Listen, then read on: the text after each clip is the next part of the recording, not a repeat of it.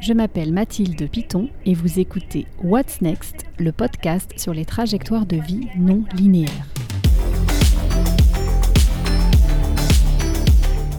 Aujourd'hui, mon invité s'appelle Pernelle Marin. C'est une voyageuse au long cours et quand nous nous sommes parlé, elle était en Mongolie, à 12 heures de décalage de Boston où je vis. Pernelle est ingénieure. Elle a vécu à Montréal pendant 10 ans et une accumulation d'événements, un burn-out, la pandémie, la réalisation que la retraite, c'est pas pour tout de suite, l'ont décidé à plaquer sa brillante carrière d'ingénieur pour partir à l'aventure autour du globe. Vous pouvez d'ailleurs la retrouver sur son compte Instagram, Pernelle Voyage. Notre conversation a eu lieu en deux temps. Tout d'abord, un vendredi matin. C'était la première fois qu'on discutait de vive voix et c'était vraiment un chouette moment. Malheureusement, je me suis rendu compte tout à la fin que je n'avais rien enregistré. J'étais livide. Mes débuts dans le podcasting débutaient très mal. On s'est parlé quelques jours plus tard et cette fois-ci, j'ai bien appuyé sur enregistrer. On a eu quelques problèmes d'internet, rien de bien méchant, et toute l'histoire de Pernel, cette fois, a bien été conservée. Ouf Je vous retrouve après notre conversation pour un petit bonus, et en attendant, place à Pernel qui commence par me raconter ses études d'ingénieur. J'ai suivi le parcours euh, classique des bons élèves en France, c'est-à-dire qu'à 18 ans, j'avais aucune idée de ce que je voulais faire mais j'étais bonne en maths, bonne en sciences. Euh, donc direction la prépa, et après la prépa, l'école d'ingénieur, sauf que bon, ça s'est pas forcément bien passé parce que clairement, j'avais pas de passion pour les maths. Donc très vite, j'ai cherché une école d'ingénieur qui pouvait me permettre de me rapprocher euh, de choses que j'aimais. Et les choses que j'aimais, c'était organiser. Donc j'ai fini en logistique. J'ai fait ensuite un échange à Montréal où je suis restée euh, pour faire une maîtrise, donc un master SP. En France, on appelle ça un master SP. Et c'est comme ça que j'ai fini ingénieur en logistique et génie industriel. Donc tout ce qui est gestion de production en usine et gestion des transports. Mais quand tu dis que tu savais pas du tout quoi faire, il n'y a pas quand tu étais, étais enfant, il n'y avait pas un métier qui te tentait, tu n'avais pas des, des, gens autour de toi où tu disais ça a l'air bien ce qu'ils font? Une passion qui était là depuis longtemps, j'ai toujours été passionnée d'histoire. je voulais être archéologue ou conservatrice de musée, sauf que ben, ma mère étant prof d'histoire, elle savait que pour devenir archéologue, il fallait passer par la fac d'histoire et que les probabilités de finir archéologue étaient proches de zéro. Tout au long de mon lycée, elle m'a poussé à réfléchir à des choses qui, honnêtement, payaient mieux, étaient plus safe, avec probablement un meilleur salaire à la sortie. donc, c'est comme ça que c'est assez je suis partie vers l'école d'ingénieur. Donc tu fais tes, tu fais tes études, donc une prépa, une école d'ingénieur, c'est quand même des choses euh, qui, sont, qui sont exigeantes euh, intellectuellement, puis ça prend du temps, c'est pas deux ans d'études, c'est cinq ans d'études dont on, dont on année à l'étranger. Six ans, ouais. Et, avec l'année à l'étranger. Tu fais, quand même, tu fais quand même ces études, tu passes quand même un bon moment ou c'est quelque chose que tu subis? La prépa, je passe un bon moment parce que socialement, je rencontre des gens qui sont aujourd'hui encore 12 ans après mes, mes meilleurs amis. donc, mais au niveau et au niveau de l'intérêt pour ce que j'étudie, bon, je le fais parce que j'ai des, des, examens chaque et aujourd'hui j'ai tout oublié. et l'école d'ingénieur c'est un peu différent. J'ai réussi à m'orienter vers la gestion de projet et donc à m'investir énormément dans l'extrascolaire. Euh, donc là, oui, là, je m'éclate quand même. Tu termines tes études, donc si c'est six ans après, euh, tu es, autour de 23, 22, 23, 24 ans? J'ai mon premier poste en 2015, 24 ans. D'accord. Et ton premier poste, il est tout de suite à Montréal? Il est tout de suite à Montréal parce que j'ai réussi à faire mon stage de fin d'études à Montréal. Donc, on a un stage obligatoire à la fin de l'école d'ingénieur. Et euh, la boîte, l'entreprise dans laquelle je l'ai faite m'a embauché à, la suite, à la sortie directe. Et qu'est-ce que c'est ce premier boulot que tu as euh, je me retrouve acheteuse dans une entreprise d'aéronautique. En fait, je m'occupe de gérer les fournisseurs qui réparent les pièces de moteur d'avion. Et est-ce que comment comment ça c'est quelque chose que tu as fait en stage et ce travail il, te plaît? Tu es contente d'y aller tous les matins? Comment ça se passe pour toi? Eh ben c'est même pas quelque chose que j'ai fait en stage, c'est la beauté du Canada, c'est par le réseau. J'avais ça s'était bien passé pendant mon stage et je pense que tu, tu connais avec l'Amérique du Nord. Le bouche à oreille marche, on a su que je cherchais un emploi et le mari d'une des collègues avec qui j'avais fait mon stage m'a fait passer une entrevue d'embauche. D'ailleurs, toute ma carrière au Canada se résume à, ce, ce, réseautage, ce networking. Euh, et euh, oui, c'est intéressant. En vrai, c'est pas forcément euh, une passion, mais encore une fois, le côté social, le fait d'être en usine, de voir la fabrication du produit, et le côté social avec un groupe de, jeunes employés qui sont aujourd'hui mes amis au Canada, des gens avec qui je continue de parler régulièrement. Bah, c'est ça en fait qui me porte, c'est le côté social, plus que le travail en soi. Mmh comme pendant les études. Comment tu passes d'un premier job à 24 ans en sortant de à la sortie de ton école d'ingénieur à quelques années plus tard, en Mongolie? Parce que je t'ai pas demandé, mais là tu m'appelles, de Mongolie. Comment ça s'est comment s'est passé ce cet énorme, changement? Alors, j'ai fait un cheminement, on pourrait dire assez classique au niveau de ma carrière quand tu es identifiée comme, personne à haut potentiel dans une grosse entreprise. Donc tous les 18 mois, j'ai changé de poste. Euh, on m'a donné l'opportunité de tester plus différents postes, de grandir, euh, d'avoir de grosses responsabilités. Et plus j'avance, plus je me rends compte que j'ai un déchirement intérieur entre le côté carriériste qui est euh, oh c'est génial, mon salaire augmente, mon, prestige augmente en quelque sorte, mon, mon, statut social augmente, et le côté mais j'aime de moins en moins ce que je fais. Et aussi de plus en plus les valeurs que véhicule une grosse entreprise collent de moins en moins avec ma manière de voir les choses et empiètent de plus en plus sur mes passions, mon temps libre, qui était quelque chose de très important pour moi. Je me retrouvais à faire 60, 70 heures, 80 heures par semaine au point de finir ben, à 28 ans au bord du burn-out parce que donc en quatre ans, hein, ça a été vite hein, quand même, mais en quatre ans, au bord du burn-out, parce que je, suis incapable d'arrêter de travailler, je stresse à l'idée d'arrêter de travailler, et je stresse aussi quand je travaille.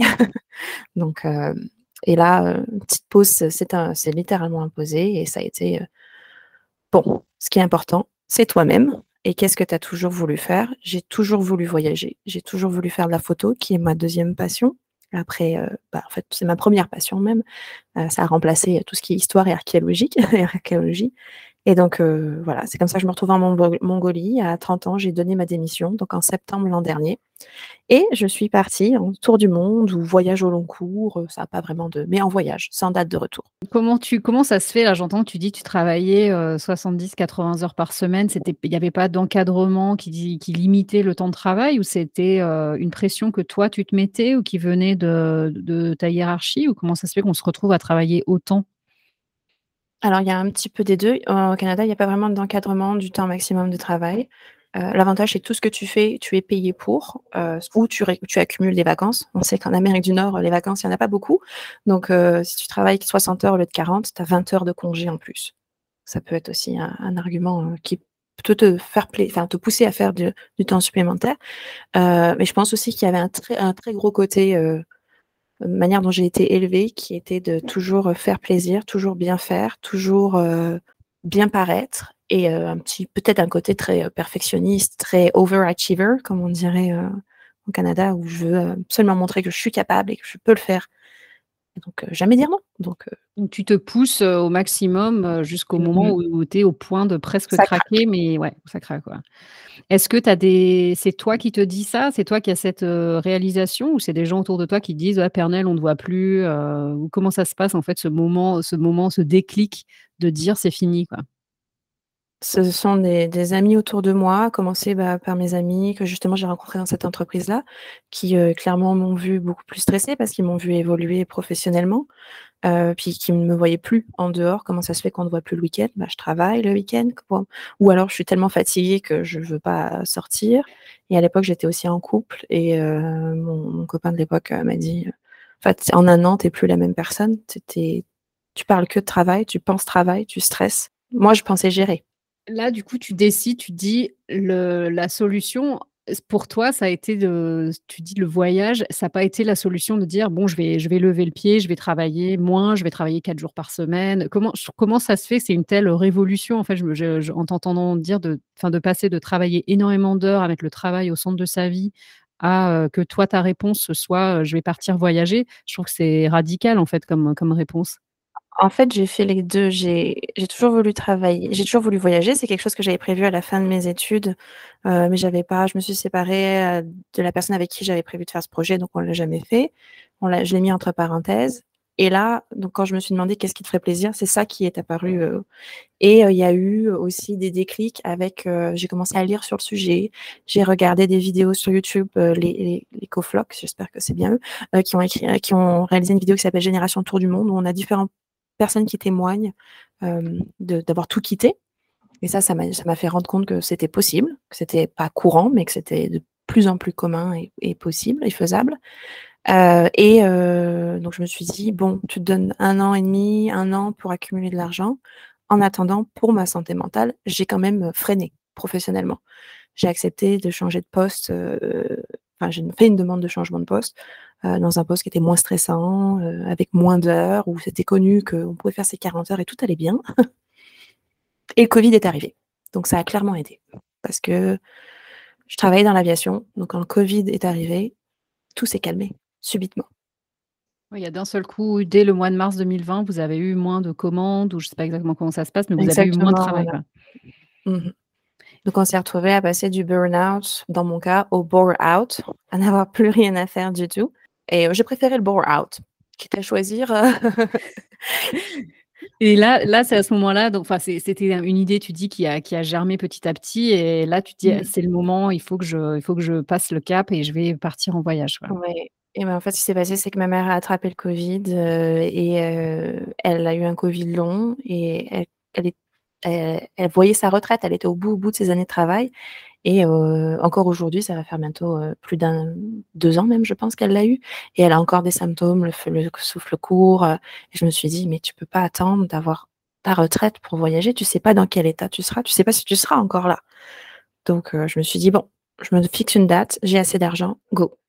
OK et comment alors là, vraiment purement concrètement, dans le détail du détail, comment tu là, tu as cet argent de côté, tu t'informes en regardant des vidéos sur YouTube, heu, en lisant les, des aventures similaires d'autres personnes.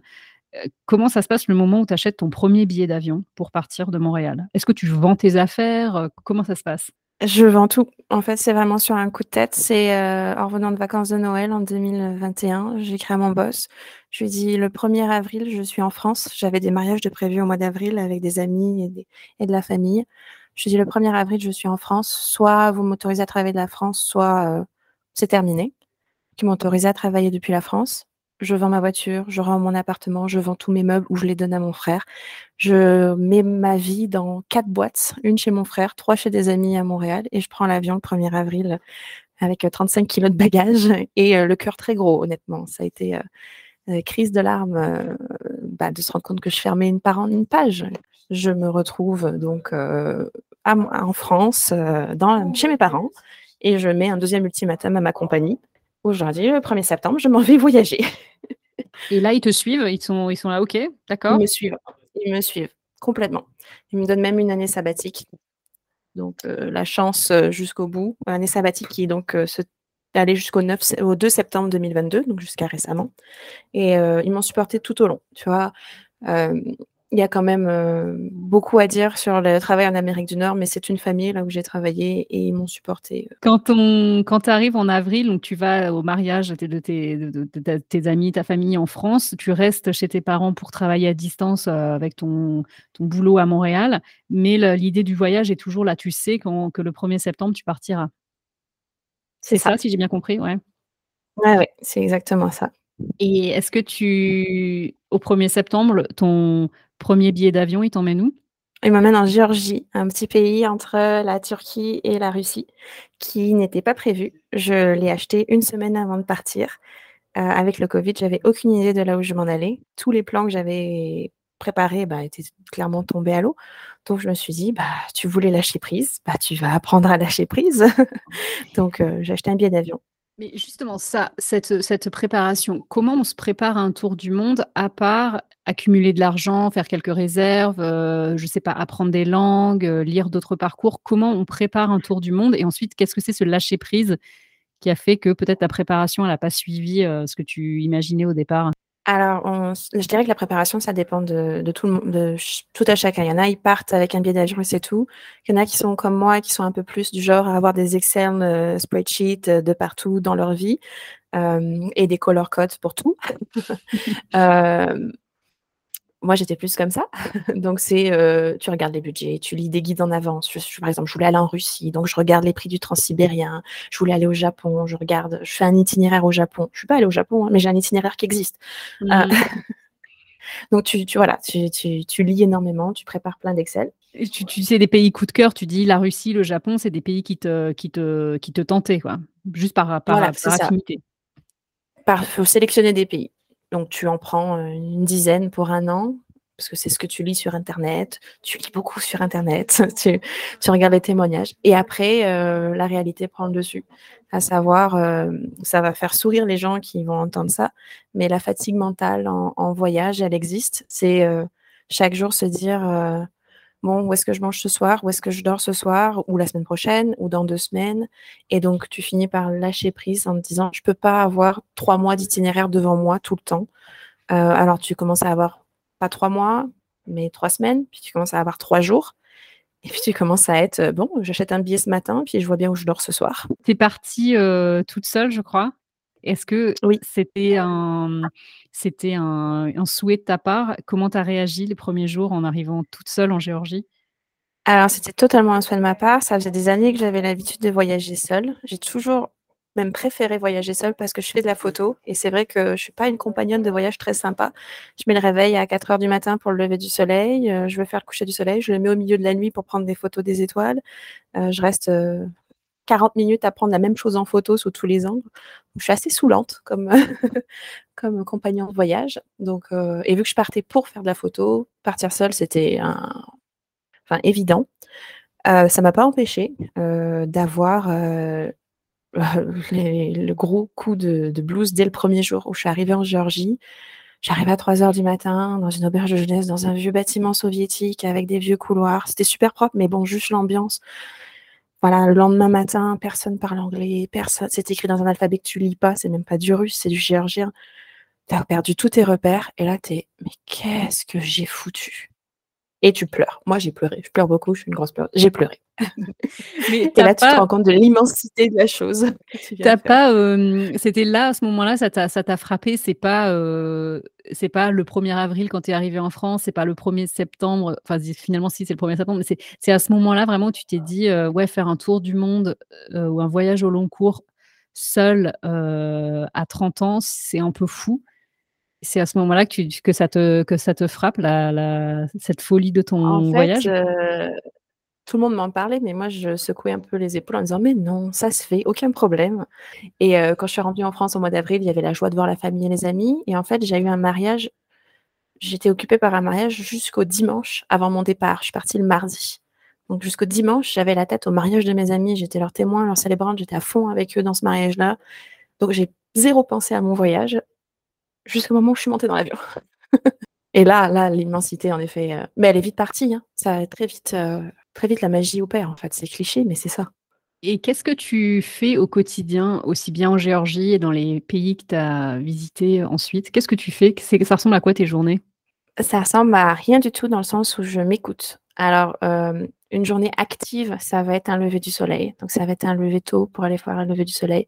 Ça va être beaucoup de rando. J'aime beaucoup randonner, euh, beaucoup de visites. Je marche énormément. Et euh, quand j'ai commencé ce voyage, quand je faisais une journée où je marchais 10 km, j'étais fière de moi.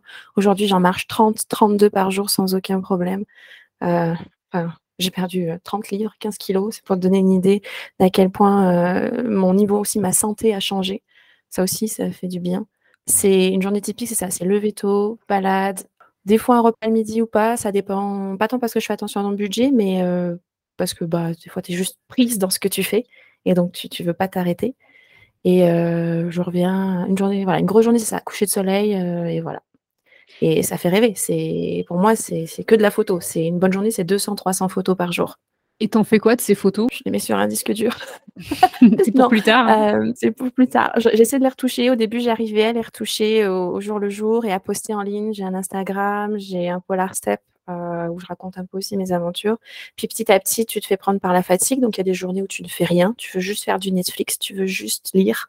Parce que bah, dans la vie quotidienne, il y a des journées où tu fais rien dans la vraie vie, et aussi par les rencontres, parce que tu, ça fait un an que je voyage, je suis partie seule, mais j'ai pas toujours été seule, j'ai même assez rarement été seule. On rencontre énormément de monde en voyage, et ce besoin de socialiser, il passe malgré tout avant le besoin de faire les photos. Quelles ont été les expériences les plus folles que tu as vécues jusqu'à présent? Alors, je vais t'en citer trois, mais assez rapidement pour pas prendre trop de temps.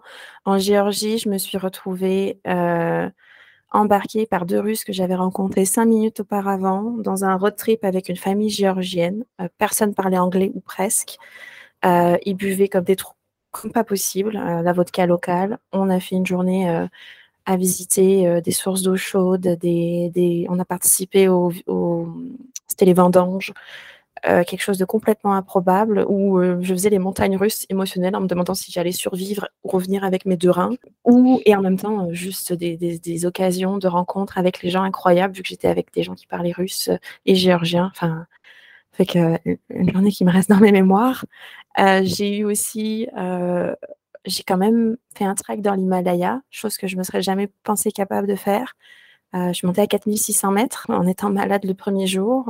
j'ai monté des journées où plus de 3000, 4000, 5000 marches, 1500 mètres de dénivelé, chose que, enfin, vraiment, je sortie de ma zone de confort. Et là, je Mongolie aussi, un autre exemple où je suis allée faire une séance avec un chaman, j'ai dormi dans des yourtes, j'ai pas pris de douche pendant plusieurs jours, j'ai été dans les toilettes, dans la nature. bref. Il y a certaines expériences qui font plus rêver que d'autres quand tu les dis, mais ça, a l'air, euh, ça a l'air génial. Ah L'aventure, ça, a l'air génial. Le ciel étoilé en Mongolie, ça vaut d'aller dans les toilettes euh, les plus dégueulasses possibles. enfin, quand il y a des toilettes, hein, parce que souvent c'est juste un trou. Qu'est-ce que tu dirais Quels ont été les moments euh, durs dans, ces, dans cette année? Il y en a eu plusieurs, oui. Il y a eu la première partie de mon voyage, elle a été assez solitaire parce que j'étais au tout début du Covid. Donc de septembre à décembre, j'ai fait la Géorgie et la Turquie et j'ai rencontré presque personne. Donc, arrivé à mi-décembre, le gros coup de blues, la fatigue, en plus j'allais à un rythme très très très rapide. J'avais pas encore euh, compris que des fois il faut ralentir.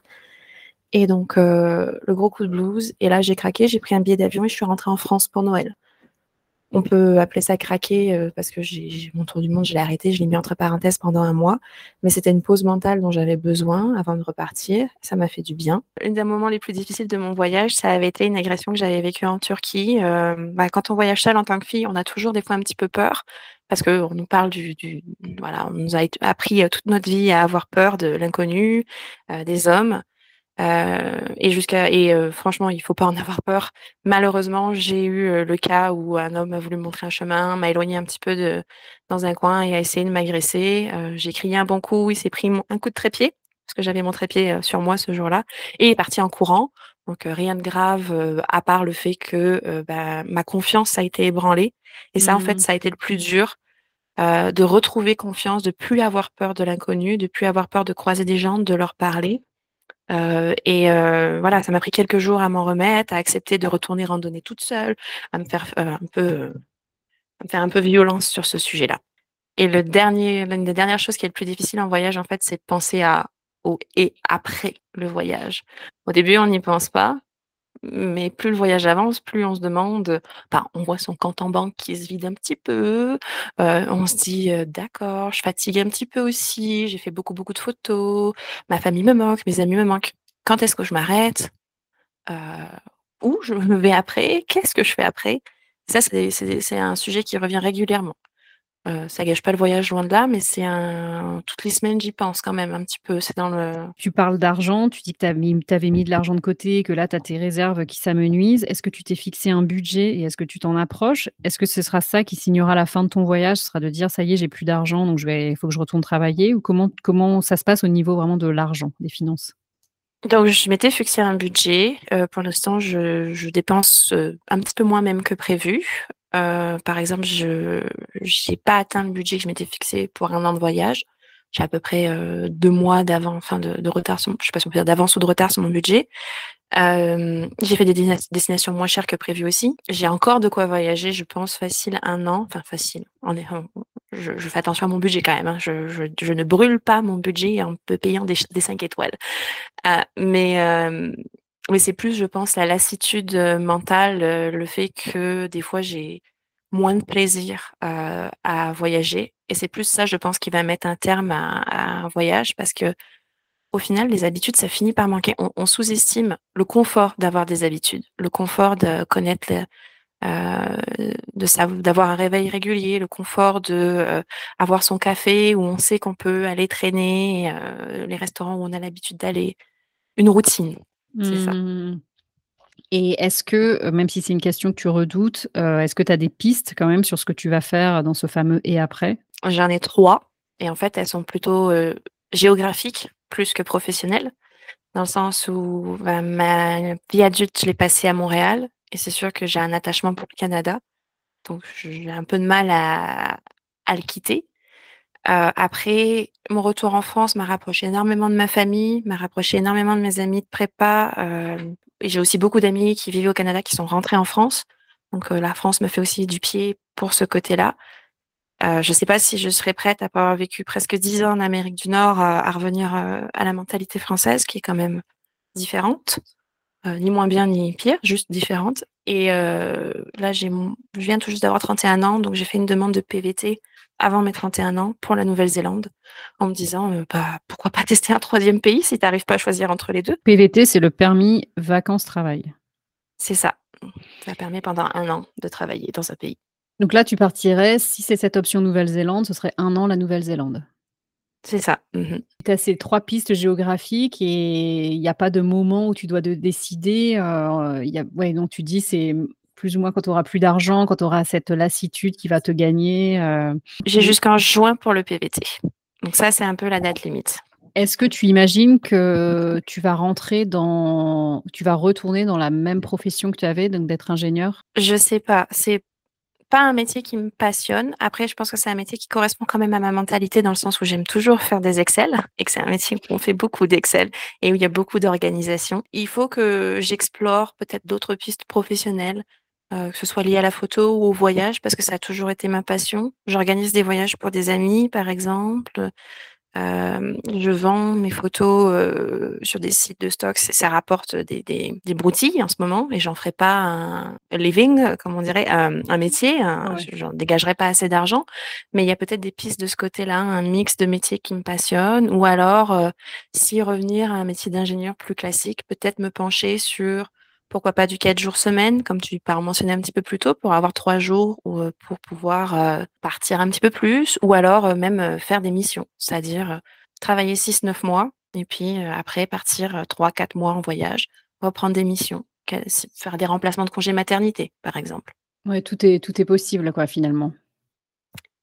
La seule limite, c'est c'est encore un cliché, mais c'est moi, en fait, c'est de trouver ce que je veux faire. Tu parles de congé maternité, donc pour d'autres, heu, femmes que tu remplacerais et on en a parlé, on en a déjà parlé avant. Toi, tu n'as pas de projet de d'avoir des des enfants et j'imagine que ça fait envisager la trentaine différemment quand on quand on sait qu'on veut fait, pas d'enfants, que quand on sait qu'on veut en avoir 1-2 ou plus. Hem, est-ce que tu peux me parler un peu de ça, de ce non projet d'enfant? C'est Ouais, quelque chose que j'ai depuis, heu, un plan de vie ou un non plan de vie plutôt, hem, que j'ai depuis adolescente. J'ai jamais été attirée par le fait d'être mère, par le fait d'avoir des enfants autour de moi. Ça veut pas dire que je déteste les enfants, hein, si jamais mes amis écoutent ça, non, je serais ravie de garder vos bébés. Mais, mais, heu, moi, ça m'a jamais fait rêver pour la simple et bonne raison qu'une des choses que j'ai toujours aimé, c'était ma liberté et pour la même raison que j'ai pas acheté de maison, que je sais pas où m'installer, je ne veux pas d'enfant parce que c'est un une une sorte d'encre qu'on dépose à un endroit et heu, notre notre, notre environnement après va tourner autour, on on est comme attaché. Heu, c'est mon point de vue. Oui. Je sais qu'il y a d'autres personnes qui se réalisent à travers, heu, que ce soit une carrière, une famille, un des projets pro enfin, des projets, de famille, pas moi. Pour toi, ce sera quoi ce serait quoi une vie réussie? Dans 10 ans, tu aurais envie que ta trentaine, elle elle ait ressemblé à quoi? Je pense que j'aurais réussi ma trentaine si, heu, avec le recul, j'ai juste continué à à profiter de chaque jour. Chaque jour peut pas être rose, chaque chose est chaque jour est pas parfait, mais quand je regarde ma dernière année, il y a eu des hauts et des bas, mais je la regarde avec un sourire immense et c'est ça que je veux. Alors, est-ce que ça sera, en me posant à un endroit et c'est ça que je sais pas justement, c'est le problème. Est-ce que ça sera en continuant à voyager? Pour moi, ça en fera partie. Je sais pas à quel point, je sais pas si ça sera en visitant, en m'expatriant dans d'autres pays, si ça sera en faisant des missions et en repartant régulièrement sur des longues périodes. Parce que je suis plus capable de visiter un pays en 1 mois, hein, c'est pas possible. Maintenant, il me faut 3 mois pour visiter un pays et donc pour moi, la la la réussite, ça sera si j'ai continué à garder cette envie de voyager, si j'ai pu continuer à l'assouvir, heu, voilà. Bah, je te souhaite que ce soit je te souhaite que ce soit le cas parce que c'est vrai que c'est un c'est un, c'est à la fois un c'est un équilibre à trouver et c'est quelque chose qui se construit au fur et à mesure. J'ai l'impression que c'est aussi ce que tu as découvert avec ton voyage, qu'on peut avoir des idées préconçues et puis, heu, c'est testé au fil, heu, ces idées, elles sont testées au fil de l'eau, quoi et elles marchent ou elles marchent pas, quoi. Apprendre à lâcher prise. J'ai vraiment appris ça. Et alors, t'as pas un secret pour ça? C'est quoi? Comment on lâche prise? Euh, Oula, s'il y avait une recette, une recette miracle? Comment on lâche prise quand on est fan de, de, de spreadsheet Excel? Les gens, je pense que c'est ça. Tu rencontres des gens qui ont des parcours complètement différents et, euh, et tu te dis, ah, mais en fait, c'est possible d'être heureux en sortant de ce, de ce schéma-là et de, de, je reste quand même plus organisée que la majorité des voyageurs. Ça sortira pas de mon de mon ADN, c'est qui je suis. Mais j'ai plus besoin de planifier ma vie et euh, à l'heure près ou mes voyages à l'heure près. Une ligne directrice qui, d'ailleurs est pas droite du tout, hein, elle, change tout le temps. Elle change tout le temps de direction. Je pense que c'est ça, accepter de changer de direction. Dernière petite question, euh, qu'est-ce que tu lis en ce moment? Alors, euh, je lis beaucoup moins qu'avant le voyage. C'est un peu dur de trouver du temps en voyage entre les photos, euh, la vie sociale. Oui, je me plains. Euh, mais en ce moment, je lis euh, Black Buck, qui est donc l'histoire. Euh, je viens tout juste de le commencer, donc j'aurais, je ne sais pas grand-chose de plus que la quatrième de couverture, mais l'histoire d'un homme noir qui devient vendeur dans une grande entreprise et comment, quand on est noir et vendeur, c'est encore plus difficile d'être vendeur justement parce qu'on a tendance à faire peur. Donc je lis beaucoup sur le sujet de Black Lives Matter et euh, je pense que c'est un livre assez léger mais qui va quand même aborder euh, ce sujet-là. Bah écoute, merci Pernel pour, euh, pour cette recommandation et pour toute ta sagesse de vie et de voyage. Je sais pas vous, mais ces aventures que vit Pernel me semblent incroyablement inspirantes. Vivre dans le lâcher-prise, tout en s'accordant quelques feuilles Excel, oser suivre un flot d'aventures en voyage, seul et au gré des rencontres, rester connecté à soi-même, ce sont des choses vers lesquelles j'aimerais tendre dans ma vie, moi aussi, à mon niveau. Et voici le bonus de fin d'émission que je vous avais promis au tout début. Il s'agit du message d'une d'entre vous, envoyé début septembre en réponse à un questionnaire sur le travail et la carrière, à un moment où je tâtonnais encore pour réaliser ce podcast vous le verrez au fil des épisodes et du récit What's Next, j'ai envie de parler de work in progress, de choses qui se construisent au fil de l'eau. Et ce questionnaire faisait partie intégrante de ma réflexion. Dans celui-ci, je vous avais demandé, entre autres, quel était votre métier idéal. J'ai retenu la réponse de Valérie, qui a 44 ans, et qui a répondu que si elle pouvait choisir de faire n'importe quoi, je serais une experte environnementaliste. J'irais mettre en place des solutions à grande échelle genre national. Tu as dit qu'on pouvait tout faire. Et puis d'un autre côté, la réalité fait que je me fais pas d'illusions. Donc je te répondrai aussi. Je m'installe sur un terrain, je construis ma maison autonome, j'ai mon jardin en permaculture, je suis entourée de voisins et d'amis sympas avec qui je partage. J'organise des workshops pour ceux que ça intéresse d'apprendre et je profite juste de la vie. Pour le prochain épisode du podcast, voici la question que je vous pose. C'est tout simple. Qu'est-ce que vous vouliez faire quand vous étiez petit ou petite? Répondez-moi par message vocal de 30 secondes environ sur le compte Instagram What's Next Mathilde ou envoyez-le à hello at whatsnextmathilde.com. Précisez votre prénom, votre âge et d'où vous appelez. Rendez-vous vendredi dans 15 jours pour un prochain épisode de What's Next, le podcast, et rendez-vous tous les vendredis sur Substack pour un récit. C'est le cœur de mon projet, c'est de là que tout part. Dans les deux premiers récits, je commence par le début et par comment la question What's Next a émergé dans ma vie et quelle a été la première chose que j'ai faite pour démêler les fils de ma vie professionnelle. C'est à découvrir dans l'abonnement payant Substack whatsnextmathilde.substack.com. Vous venez d'écouter le premier épisode de What's Next, le podcast sur les trajectoires de vie non linéaires. Merci de m'avoir écouté. J'espère que ça vous a plu, interrogé, fait réfléchir ou même sourire. À très bientôt.